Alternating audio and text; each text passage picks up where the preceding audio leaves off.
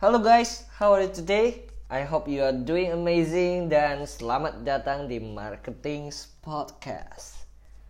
Saya sedang nggak punya banyak waktu karena saya baru balik dari Cina habis sourcing produk jadi masih banyak deadline yang harus diselesaikan. Saya terpaksa harus ke Cina lagi kali ini karena omset salah satu toko saya dan partner baru saya tembus revenue kurang lebih sekitar 100 jutaan monthly dan udah stabil dan kita berencana ekspansi dari segi varian produk kemudian uh, sumber daya manusianya kemudian juga warehouse. Good problem ha? Huh? ya tapi eh, nggak uh, semuanya saya kerjakan sendiri. Karena kapasitas pikiran saya itu juga sangat terbatas waktu juga sangat terbatas apalagi tenaga. Ya itulah gunanya kita berpartner. Oke sama seperti saya sama Rico kita berpartner kita saling bagi-bagi kerjaan apa yang nggak bisa saya cover dia cover apa yang nggak bisa dia cover sebaliknya saya cover Oke, bisa saling melengkapi satu sama yang lain. Oke, so kalau anda dengerin podcast saya sebelumnya tentang cara menghasilkan uang dari internet, uh, ada orang yang langsung praktek, ada juga yang setelah dapetin informasi itu cuma disimpan. Dan nggak sedikit juga yang menolak menerima informasi tersebut.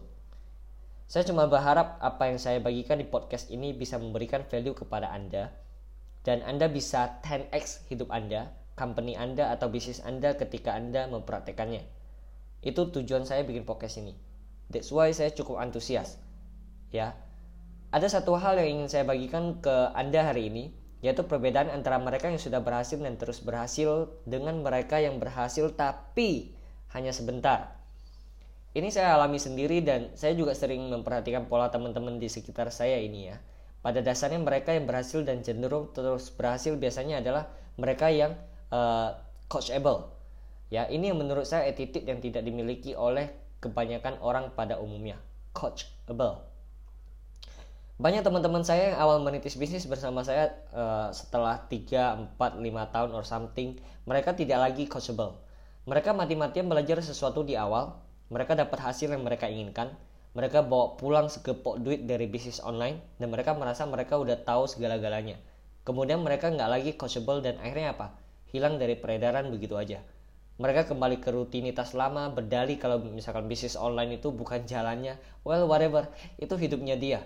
Ya saya juga gak mau mengomentari hidupnya mereka. Apa pun yang dikatakannya itu menurut mereka benar, maka itu benar. Oke? Okay? Sampai saat ini pun, saya sendiri masih terus berusaha untuk belajar, belajar, dan belajar. Tidak pandang siapa pembicaranya selama materi yang disampaikan bermanfaat, maka ambil. Ya, Garis bawahi selama materi yang disampaikan bermanfaat, maka ambil. Saya ingat beberapa waktu lalu saya bertemu salah satu member di komunitas yang dulu sempat saya coach. Saat ini dia sudah punya 15 karyawan dengan gudang dua kali lipat dari gudang saya. Jadi uh, jumlah paket kirimannya itu udah kurang lebih sekitar 500 sampai 1000 paket setiap harinya. You see? Nah, satu kebanggaan tersendiri melihat mereka yang pernah saya coach bertumbuh secepat ini.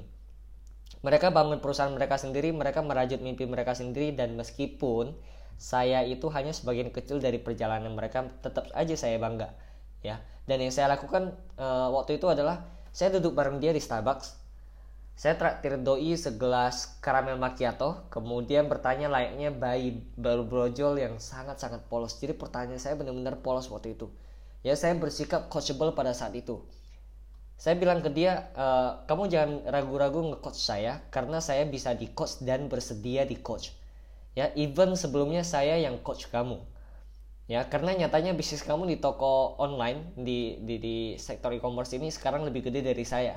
Dan doi pun akhirnya bersedia untuk nge-coach saya. Itu keren banget gak bohong sumpah. Ya saya sempat berpikir kalau Aaron yang dulu mungkin akan gengsi. Oh tidak bisa. Siapa lu mau ngajarin gua? Wong gua yang ngajarin lu duluan? Atau mungkin uh, masa coach mau di coach? Ya gitu gitulah pokoknya sinis lah ya. Kalau kalau Aaron yang dulu. Dan saya pikir banyak orang seperti itu juga. Egonya tinggi. Selama satu, satu tahun belakang ini saya berusaha keras untuk selalu ngikutin diri saya sendiri bahwa belajar itu bisa di mana aja. Apa aja dan dari siapa aja. Bahkan ketika ketemu dengan orang yang sedang bangkrut sekalipun ya kita tetap bisa dapetin sesuatu yang berharga dari mereka asalkan kita mau membuka hati untuk mau mendengarkannya terlebih dulu. Well, uh, saya pikir saya harus kembali menyelesaikan deadline-deadline saya sekarang. That's all untuk podcast kali ini.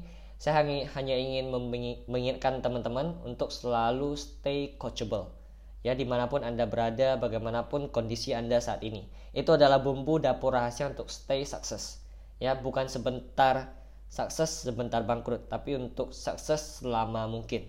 Oke okay, see you in the next episode. Jangan lupa marketing hari ini